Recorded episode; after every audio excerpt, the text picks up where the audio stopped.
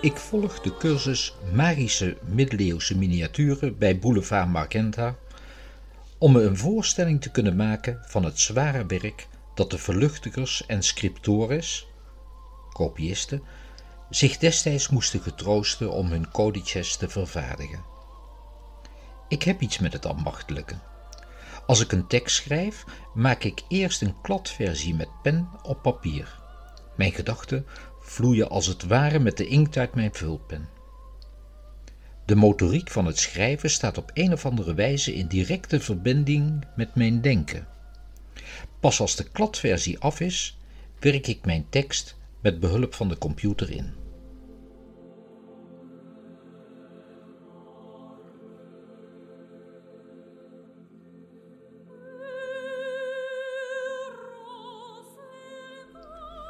De kopiisten en vluchtigers werkten in de middeleeuwen onder erbarmelijke omstandigheden die wij ons nauwelijks kunnen voorstellen.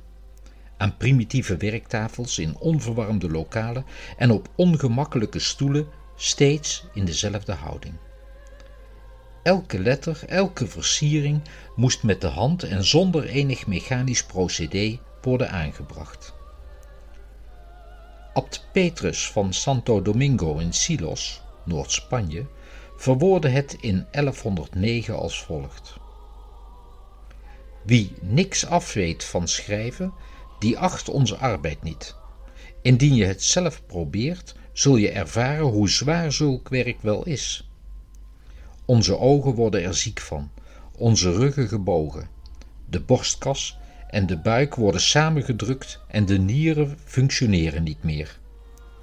Kortom, Schrijven is voor heel ons lichaam een beproeving. Daarom, beste lezer, draai langzaam de bladen om. Zet uw vingers niet op de letters.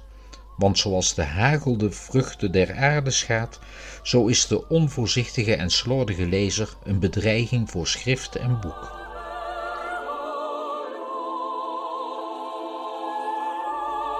De cursus die ik volg vindt onder ideale omstandigheden plaats in een verwarmd lokaal dat van alle gemakken is voorzien. Daarbij komt ook nog dat ik mijn aandacht, anders dan bij de scriptores uit de middeleeuwen, niet volledig zal kunnen richten op het maken van miniaturen. Ik voel me bevoorrecht dat ik in een tijd leef en in de positie verkeer dat ik me een dergelijke luxe van de cursus kan veroorloven. Ik verwacht overigens wel dat mijn bewondering voor wat zij destijds maakte groter zal worden door er zelf langer mee bezig te zijn. Groter dan nu al het geval is.